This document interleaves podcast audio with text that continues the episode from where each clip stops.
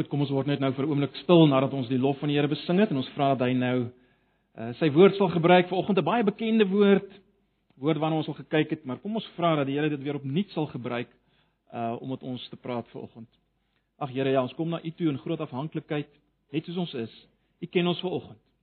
U weet waar ons staan. Ons kan niks vir U wegsteek. Nou wil ons vra dat U dit sal rustig maak in ons elkeen dat U ons sal help om te hoor wat U vir ons sê elke een. Help ons om nie vir oggend te luister vir iemand anders nie, maar te luister vir onsself.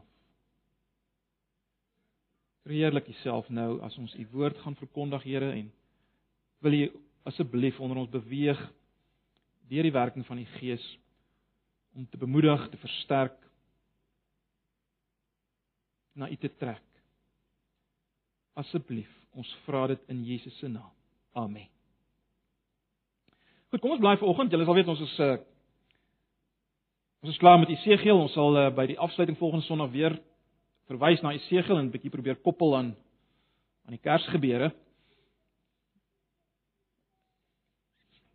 Intussen is ons besig om maar na 'n paar los gedeeltes te kyk alhoewel ek 'n soort van 'n tema gevolg het. Kom ons bly vanoggend na Lukas 15 baie bekende Lukas 15, ons gaan lees vanaf vers 11. Die baie baie baie bekende gelykenis van die twee seuns.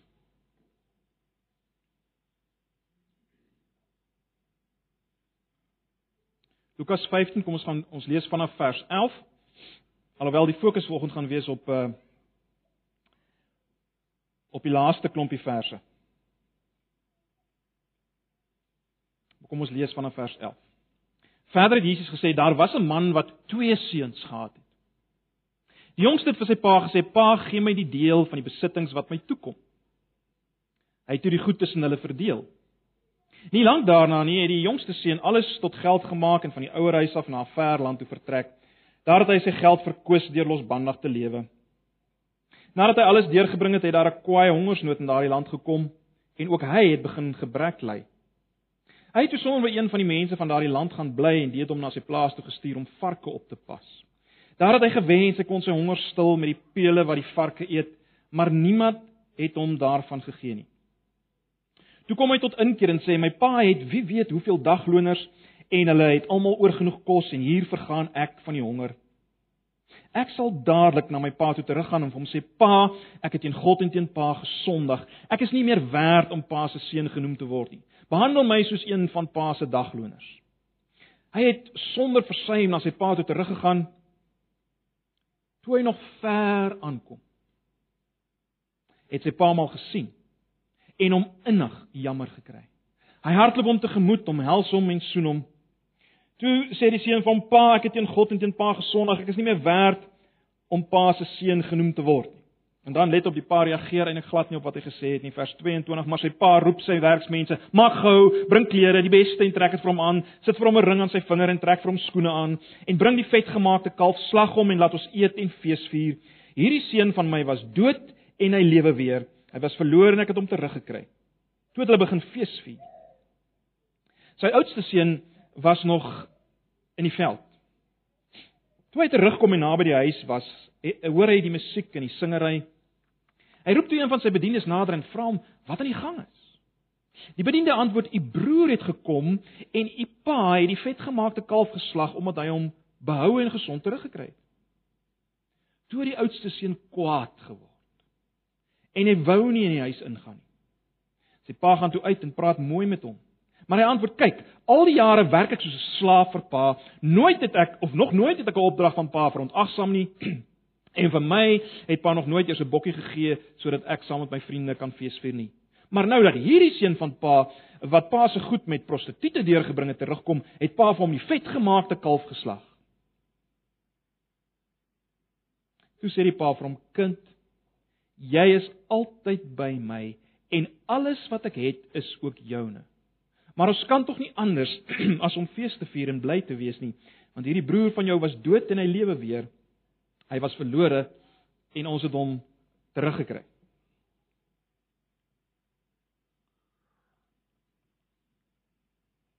Susters, ons het nou die, uh, die vorige twee Sondae gekyk na hoe kan ek vrug dra So twee sonnae gelede toe ons na Johannes 15 gekyk het, hoe kan ek vrug dra? En ons het gekyk na hoe kan ek verander wat betref al daai sondige gedrag en al die sondige emosies wat daarmee saamgaan. En julle sal onthou, uh so aan die einde van van verlede Sondag se diens, het ek genoem dat agter elke stuk sondige gedrag van ons lê daar 'n leuen ten diepste. En daarom het ons nodig om om gedurig weg te draai van sekere leuns en ons denke te vul met waarhede. Want dit help ons om ons geloof in Jesus te versterk. As ons wegdraai van sekere leuns en ons draai na sekere waarhede, dit help ons om ons geloof in Jesus te versterk en dit help ook in 'n sin om ons bekering, ons wegdraai van al hierdie goeters uh, waaroor ons verlede Sondag gepraat het, al hierdie goed wat nie pas by ons nuwe identiteit nie. Dit help ons om om ook daarvan weg te draai as ons uh of, of wat ek so sê dit dit help ons om om te bekeer, né? As ons ons gedagtes vul met waarhede en as ons wegdraai van sekere leuns.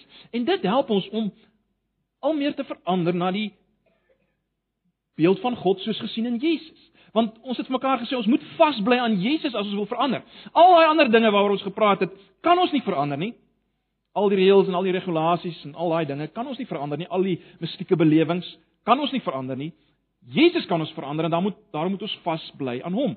So ons moet gedurig draai na hom in geloof en wegdraai van dit wat nie pas by ons nuwe identiteit in hom nie. Nou, vanoggend wil ek hê ons moet kyk na een spesifieke leuen wat ons geneig is om te glo.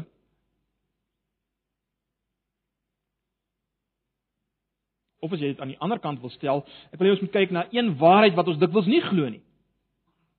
Wat veroorsaak dat sondige gedrag en sondige emosies by ons na vore kom?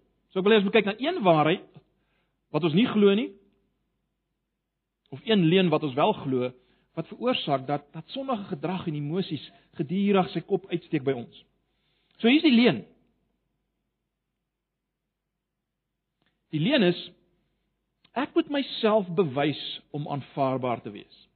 Ek moet myself bewys om aanvaarbaar te wees. Ag broers en susters, ek is al meer onder die indruk van veral uh hoe die jong mense in ons dag ly onder daai leuen. Ek moet myself bewys om aanvaarbaar te wees. Ek moet dit doen by die wêreld en ongelukkig draai ons of of dra ons daai uh daai gedagte dra ons oor op ons verhouding met God. So dis die leuen. Ek moet myself bewys om aanvaarbaar te wees. Die waarheid wat ons nie glo nie is dit. God is so genadig en liefdevol, ek hoef myself nie te bewys. Dis die waarheid wat ons dikwels nie glo nie en wat veroorsaak uh wat sondige gedrag en emosies by ons veroorsaak. Nou ek wil hê ons moet vanoggend na hierdie waarheid kyk aan aan die hand van die gelykenis, sogenaamde gelykenis van die verlore seun. Nou julle sal weet ons ons het al hierna gekyk uh meermale. Vanoggend wil ek hê ons moet onsself beperk tot tot die oudste seun. Uh, want ek is oortuig die die angel van hierdie gelykenis lê in hierdie gedeelte van die oudste seun. Ek is oortuig die leuen wat ons glo en die waarheid wat ons nie glo nie lê weggesteek en dit wil ons sien by die oudste seun. En dis hoekom ek wil hê ons moet daarna kyk.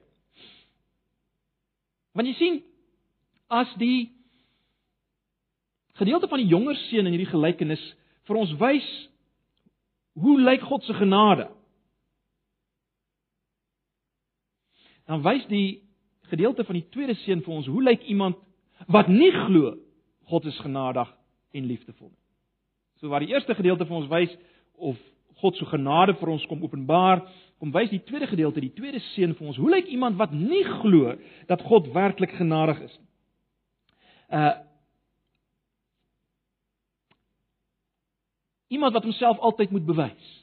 Dis wat die tweede seun vir ons kom duidelik maak. Kyk, ons weet uh, wanneer persoonlike verhoudinge opbreek, kan dit een van twee paaie loop, né? Nee, daar kan 'n groot uitval wees of daar kan 'n stadige uitmekaar uitdryf wees, 'n vriesproses. En laasgenoemde is net so gevaarlik as eersgenoemde, né? Nee. Eindelik in 'n sekere sin is dit selfs gevaarliker, meer fataal. Nou goed, kom ons kom ons kyk 'n bietjie na hierdie gelykenis, na die tweede gedeelte. Kom ons staan 'n bietjie nader en ons kyk net spesifiek na vers 29. Wat hoor ons by hierdie oudste seun? Wat hoor ons by hom? Kyk, al die jare werk ek soos 'n slaaf vir pa. Nog nooit het ek 'n opdrag van pa verontagsaam nie en vir my het pa nog nooit eers 'n bokkie gegee sodat ek saam met my vriende kan feesvier nie. Dit is baie duidelik al op die oppervlak, nee, daar is 'n daar's 'n gegriefdheid. Daar's 'n vreugdeloosheid. Waarom? Wel, broers en susters, ten diepste omdat hy nie meer oortuig was van die Vader se onvoorwaardelike, let wel, se onvoorwaardelike liefde nie. Kyk, hy het op 'n blaamlose manier die Vader gedien en ek dink nie ons het enige rede om sy woorde te betwyfel nie. Hy het dit gedoen. Vir al hierdie jare. al die opdragte uitgevoer. Is geen twyfel, geen rede om dit te betwyfel nie, hoor. Maar die punt is en ek dink almal kan dit raak sien, die punt is hy het kontak verloor met hierdie liefde terwyl hy in die huis was, dit wel. Hy het kontak verloor met hierdie liefde terwyl hy in die huis was, in sy vaderhuis was. Kom ek stel dit anders. Hy was in die Vader se huis net so uit kontak met die Vader as wat die jongste seun uit kontak met die Vader was in die verland. Dis belangrik om dit raak te sien. Sê dit weer. Die oudste seun was in die Vader se huis net so uit kontak met die Vader se liefde as wat die jongste seun in die verland uit kontak met die Vader se liefde was. Hierdie seun was vreugdeloos in sy getrouheid, steriel in sy respektabelheid as ek dit so kan stel. En broers en susters, dis waar die gelykenis ons raak.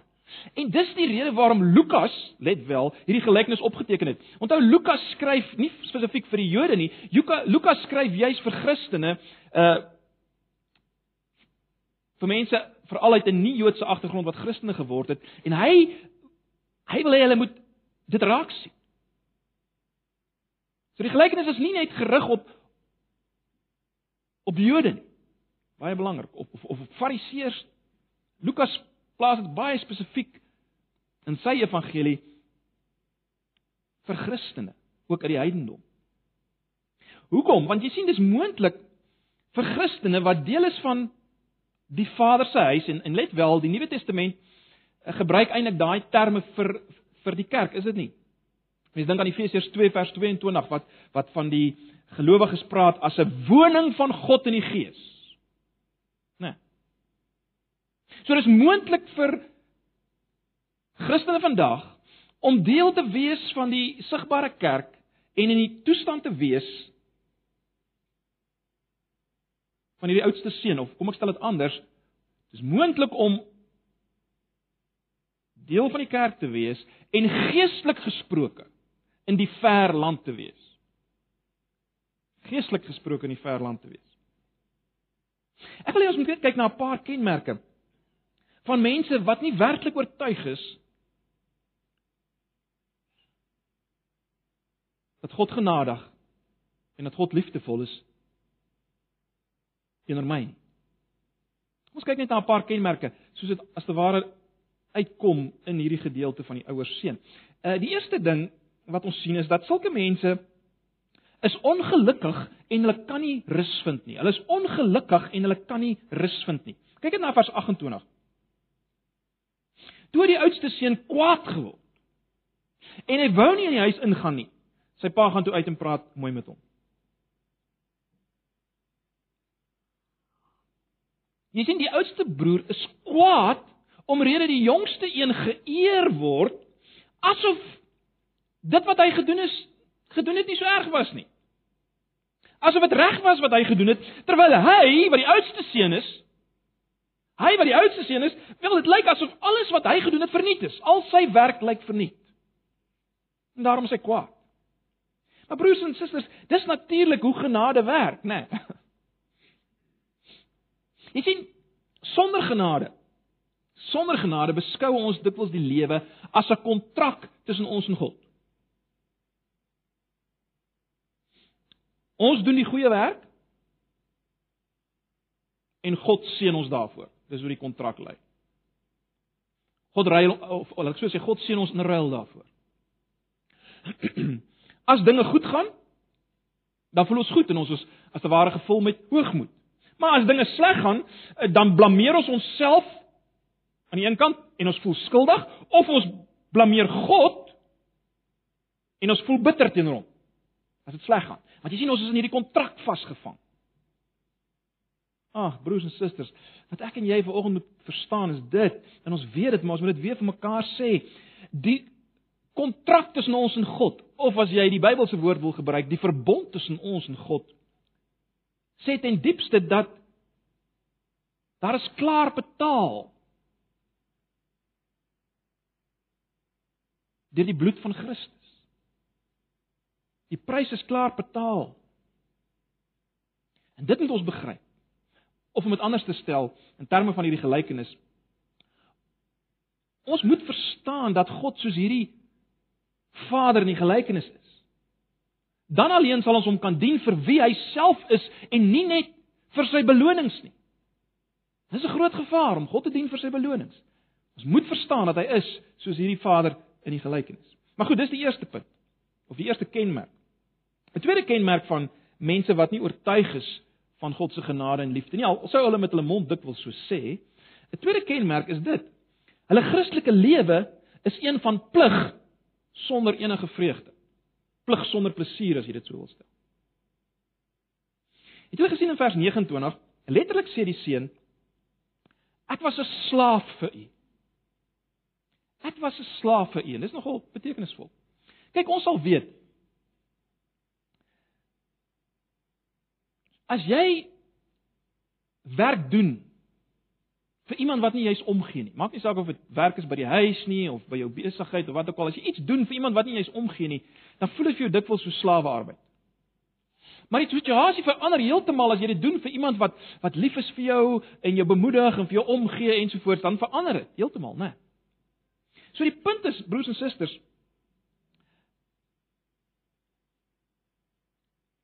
vreugdelose pligsuitvoering as ek dit so kan stel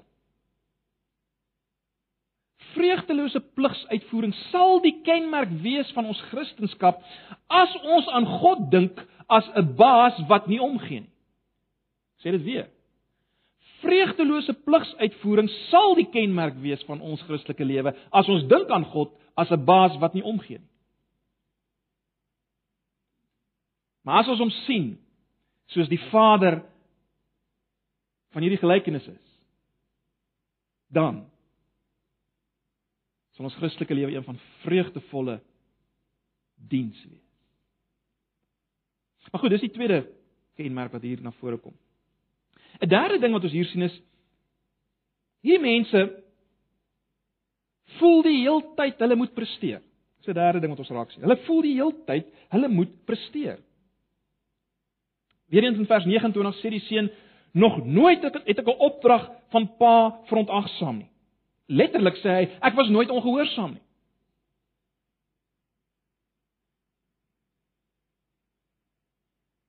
Die punt wat ons hier moet raak sien is dat hy wil hê mense moet dit weet. Ek het net of julle gesê ons ons ons ons hoef hom nie noodwendig te te bevraagteken nie. Maar die punt is hy sê dit hardop want hy wil hê mense moet weet van sy goeie werke. Hy wil homself probeer bewys. En broers en susters, daar's so baie mense rondom ons wat dag na dag probeer om te presteer, né? Sommige mense probeer om hulle kinders goed groot te maak om hulle self te bewys. Ander probeer lang ure werk of werk lang ure alles in die poging om hulle self te bewys. Soms voel hulle dat hulle dit reg kry, ander kere voel voel hulle weer dis te vergeefs, maar jy sien hulle hulle leef heeltyd in 'n in 'n toestand van gespanne en besig wees. En as heeltyd 'n angstigheid, hulle probeer altyd 'n volgende goeie vertoning gee. En ons altyd bang dat dat hulle fasade gaan verkrummel, dis hoe hulle leef.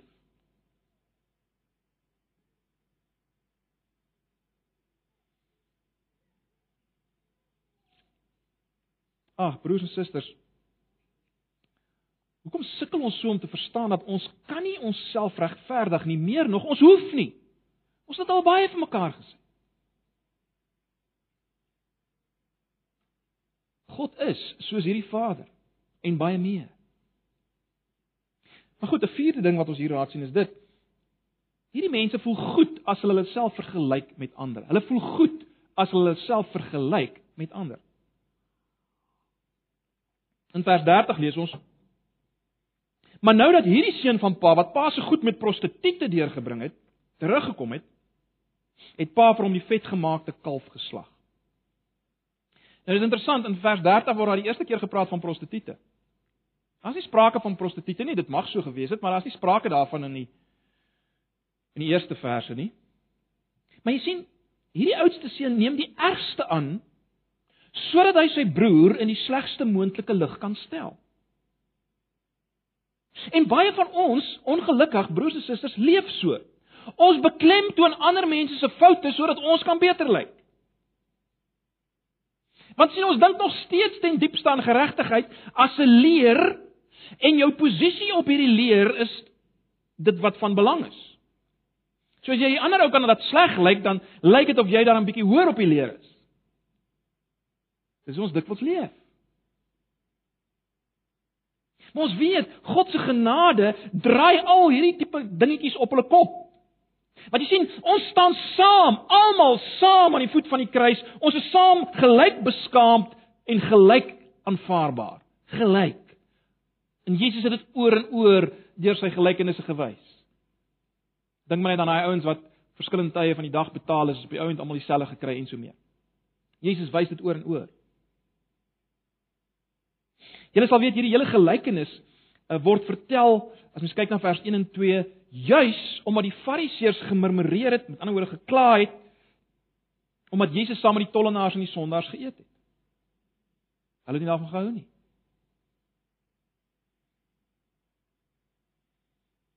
Maar jy sien dis juis wat ons sien in Jesus. Wat sien ons in Jesus? In Jesus sien ons dat God is nie geïnteresseerd in respektabelheid of selfgeregtigheid nie. Hy's glad nie geïnteresseerd daarin nie. Hy's geïnteresseerd in terugkerende sondaars. Hy's geïnteresseerd na me, in mense wat na hom toe kom vanuit hulle nood, nie vanuit hulle geregtigheid. Dis waarna hy belangstel. Oor en oor in in, in Lukas 15 sien ons dat Jesus gereed is om fees te vier, let wel. Nie net om ou hierdie ouens te verdra wat nou so verlore was nie. Hele Lukas 15 gaan oor verskillende gelykenisse van verlorendheid, die minstukkie skaap en die seun. En in die hele Lukas 15 is dit baie duidelik Jesus verdra nie net die ouens wat verlore was en terugkom nie. Nee nee, hy vier fees met hulle. Hy vier fees met hulle. Die hemel is 'n fees vir sondaars wat teruggekeer Broers en susters, baie van ons, die meeste van ons wat hier sit, sal ten minste sê dat ons oortuig is dat ons uiteindelik op die laaste dag regverdig sal staan voor God op grond van Jesus se lewe en sterwe in ons plek. Ons ons bely dit.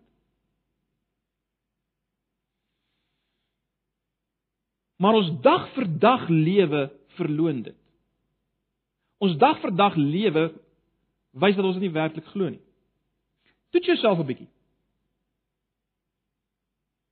Word jy ooit kwaad omdat jy eintlik wil bewys dat jy blaamloos is in 'n sekere geval? Dink mooi. Word jy ooit kwaad omdat jy wil bewys jy's eintlik blaamloos?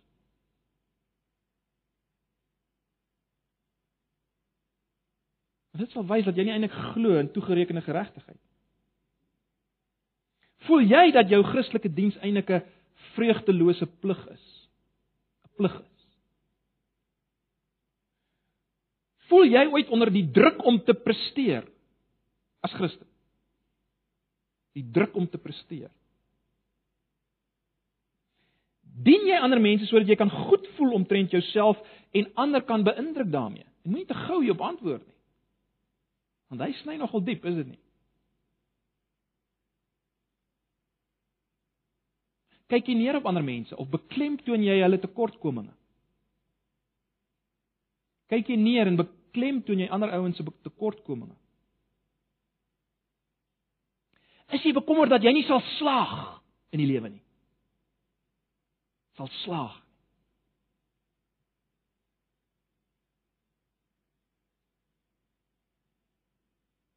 Dink maar daaroor. Geniet jy die gesprekke rondom die tekortkominge van ander mense?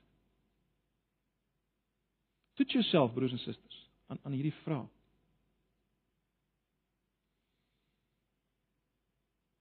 En ek wil dit waag om te sê dat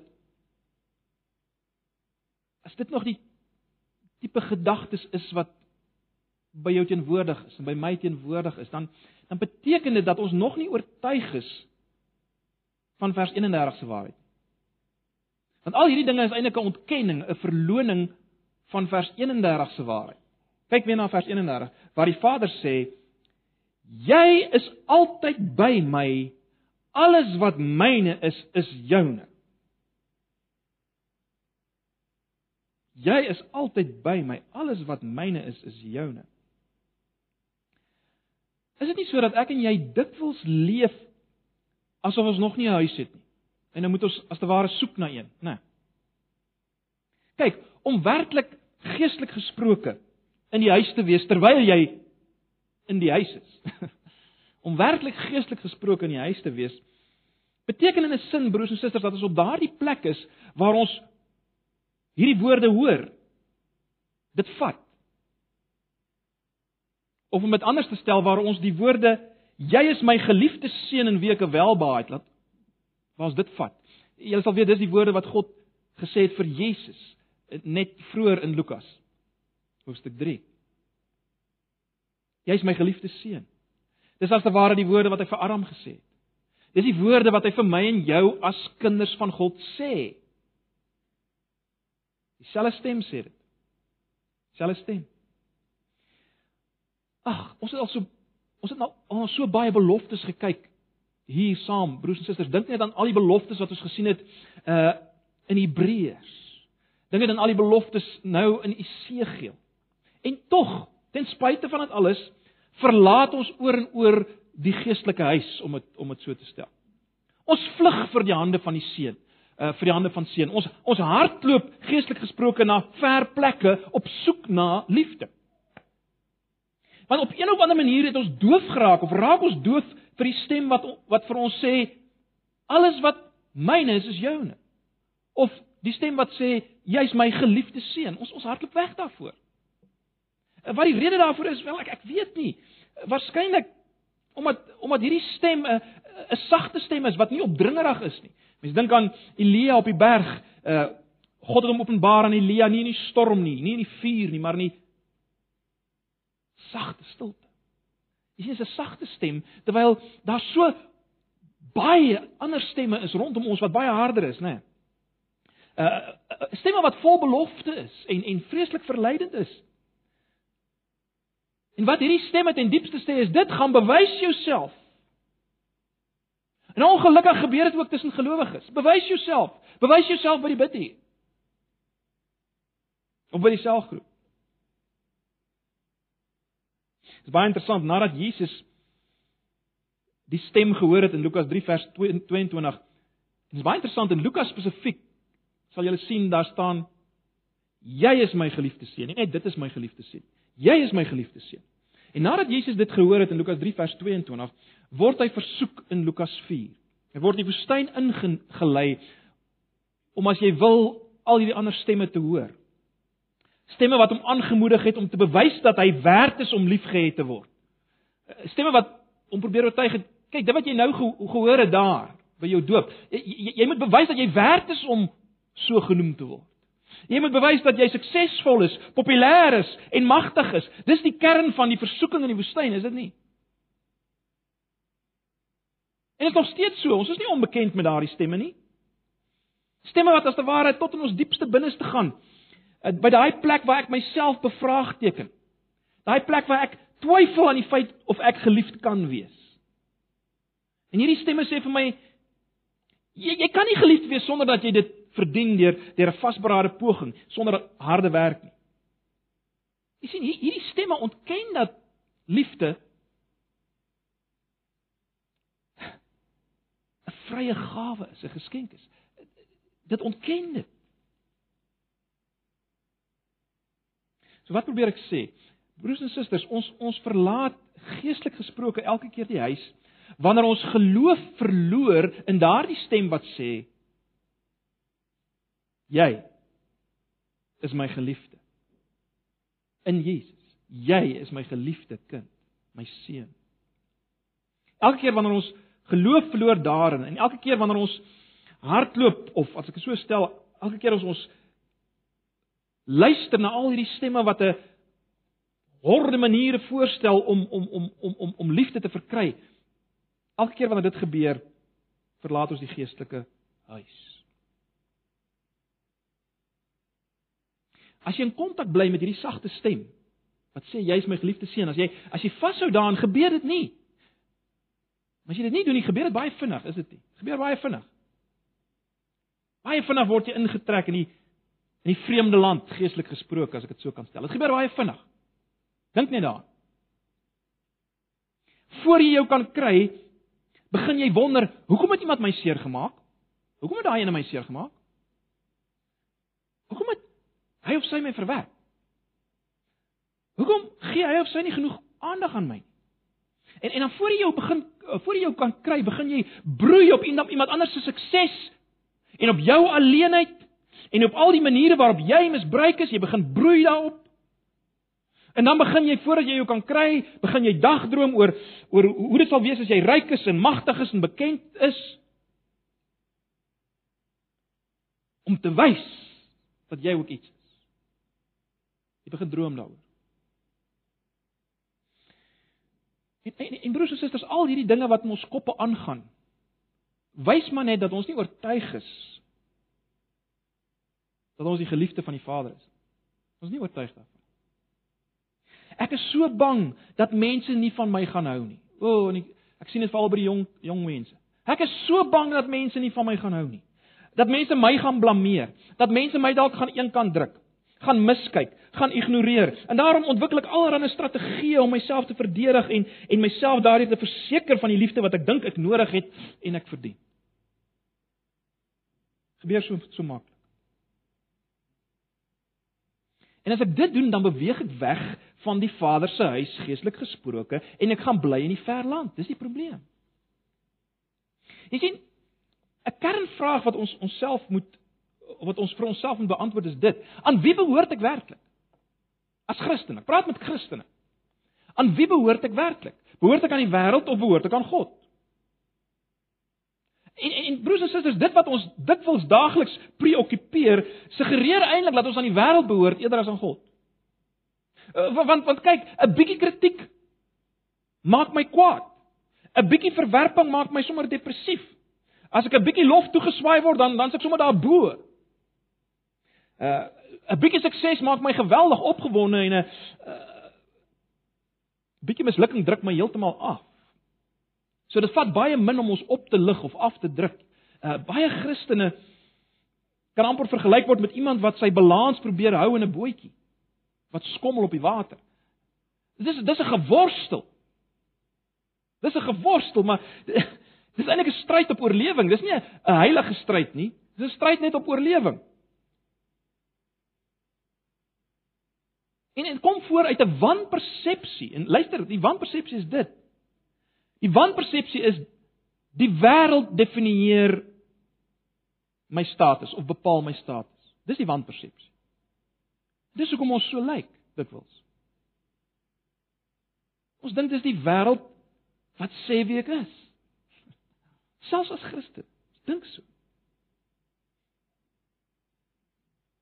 Jy sien solank ek en jy rondhardloop om dit so te stel. En ons vra onbewustelik, onbewustelik. Dit is nou nie letterlik bewustelik altyd so nie.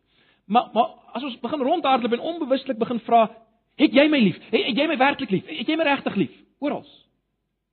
Solank ons dit doen, gee ons as te ware mag, as ek dit so kan stel, aan die stemme van die wêreld en ons word gebind. Hoekom sê ek so? Ons word gebind want die wêreld is gevul met asse. Die wêreld sê, "Ja, ek het jou lief as jy aantreklik is. As jy intelligent As jy suksesvol is.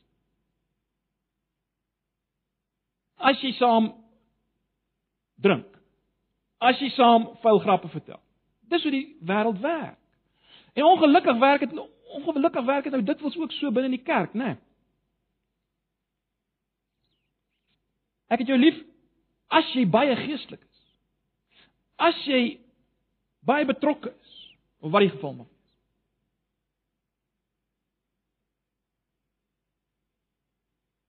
Alles voorwaardelik. Kondisioneel, né? Nee. En broers en susters, dis hoekom ons dikwels al die gawes wat God vir ons gegee het. Wonderlike gawes wat hy vir ons elkeen gegee het. Ons gebruik daai gawes dikwels om mense te beïndruk in plaas daarvan dat ons dit gebruik vir die koninkryk. Omdat ons vasgevang is in hierdie ding. Ons dink die wêreld bepaal ons status, ons identiteit.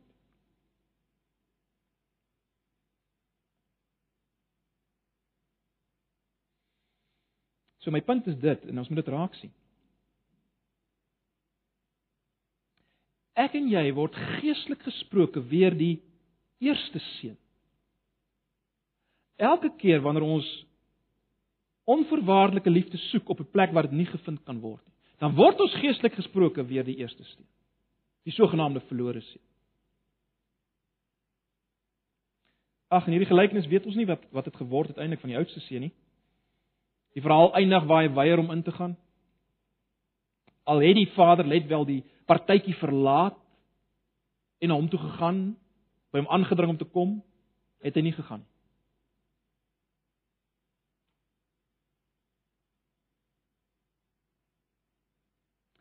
John Wesley het op 'n stadium gesê, I had the religion of a servant, not of a son. Is dit dalk volgens waarvan jou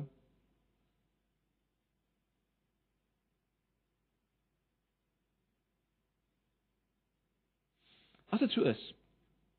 As jy volgens hier sit en jy doof geword vir die stem van onvoorwaardelike liefde wat geen teenprestasie verwag nie.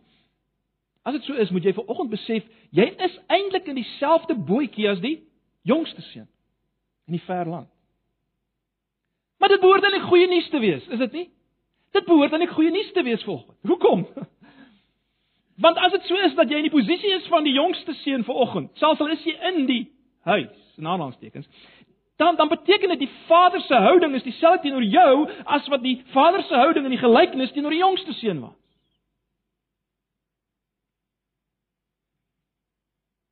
Dit beteken hy wag vir jou, hy kyk uit, hy wil na jou hart loop.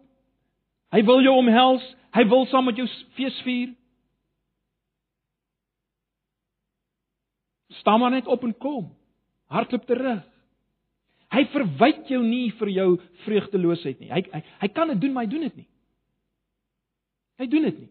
Hy sê vir jou my kind, soos ons hier sien in vers 31. My kind.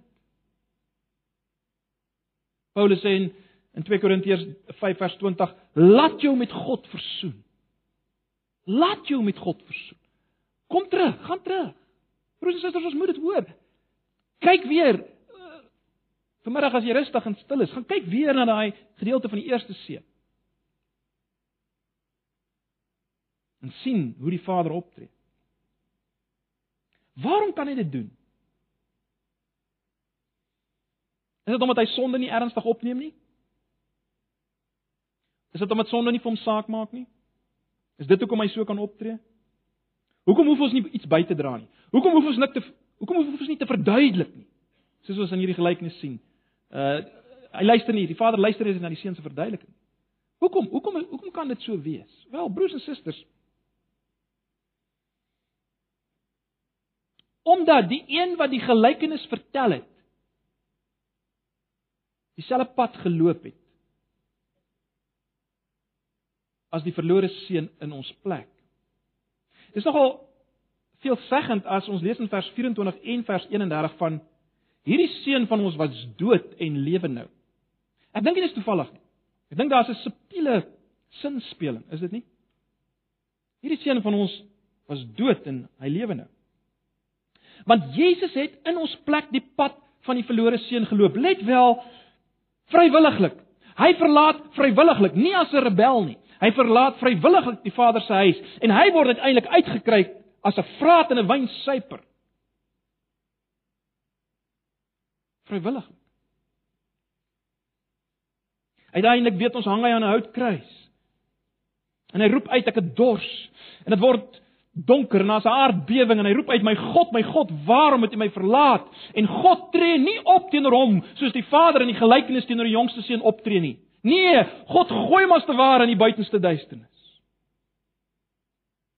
In ons plek. As gevolg van dit wat op hom gelaai is, ons sonde. Maar uiteindelik staan hy op vir die dood. God aanvaar wat hy in ons plek gedoen het. Ag, en broers en susters, ons lees in Filippense 2 Hy's verhoog en daar's 'n na naam aan hom gegee bo alle name. 'n Ongelooflike fees is gevier. Vir hierdie seun. Die geliefde seun van die Vader wat teruggekom het in ons plek. En dis hoekom God nie verduideliking soek. Want alles is klaar gedoen. Alles is klaar gedoen. Ons het klaar gesterf sê Romeine 6. Ons weet dit. Die ou mens is vernietig aan die kruis. 'n Nuwe een het opgestaan saam met Christus. Dis ons identiteit. Glo ons dit? Glo ek dit? Ek moet dit vir myself vra. En omdat Jesus hierdie pad geloop het, verstaan hy ons so goed. Ons het dit in Hebreërs 2 gesien. Hy verstaan dit. Hy's nie elke opsig versoek soos ons. Dank God. Hy het nie gesondig in dit, maar hy verstaan dit. Hy verstaan ons baie goed. En as jy volgens wonder maar, sal ek getrou kan bly as ek in die Vader se huis is? Wel, Jesus was ook in 'n sin die oudste seun in ons plek. Hy dien die Vader met vreugde. Tot die einde. Sonder gegriefdheid. Hy doen dit in ons plek ook. En daarom kan ons volhard. Net daarom kan ons volhard.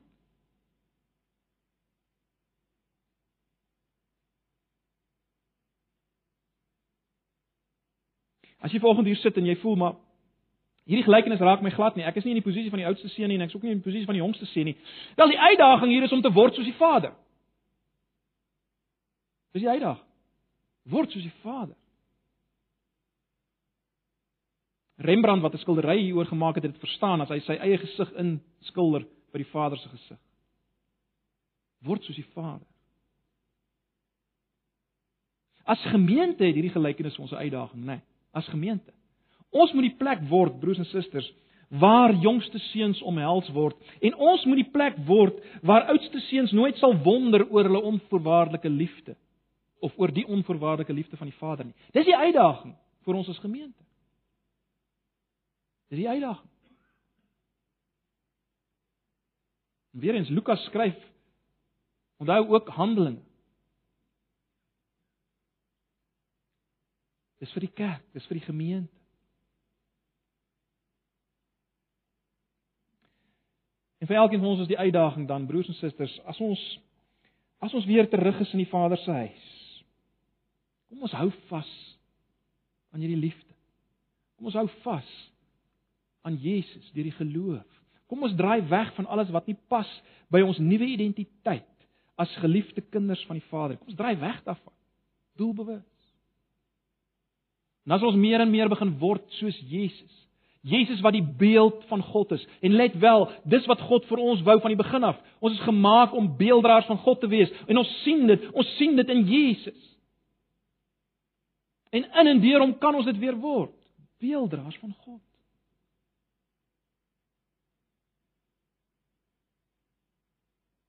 Ag broers en susters. Dis die uitdaging. Kom ons raak vir 'n paar oomblikke elkeen stil voor die Here en Kom ons omhels hierdie waarheid. God is genadig en liefdevol. Ek hoef nie myself te bewys nie. Ek sê dit weer. God is genadig en liefdevol. Ek hoef nie myself te bewys. Kom ons raak elkeen stil voor die Here. En ons bedink net hierdie waarheid vir 'n paar oomblikke voor ek afsluit.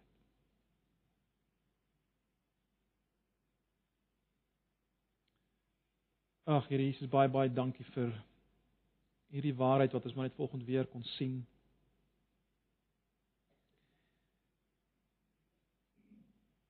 En ons weet volgens hierdie waarheid kan ons vat as 'n waarheid net as gevolg van U. Weereens. U in ons plek. En ons dankie daarvoor. Ek wil bid vir elkeen vanoggend hier. Weet waar elkeen staan vanoggend. Ag Here Jesus. U ken ons. Ons kan niks vir U wegsteek nie.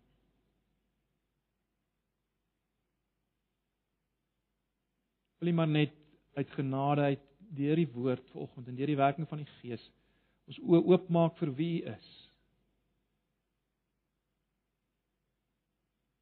Dat ons U sal sien vir wie U is.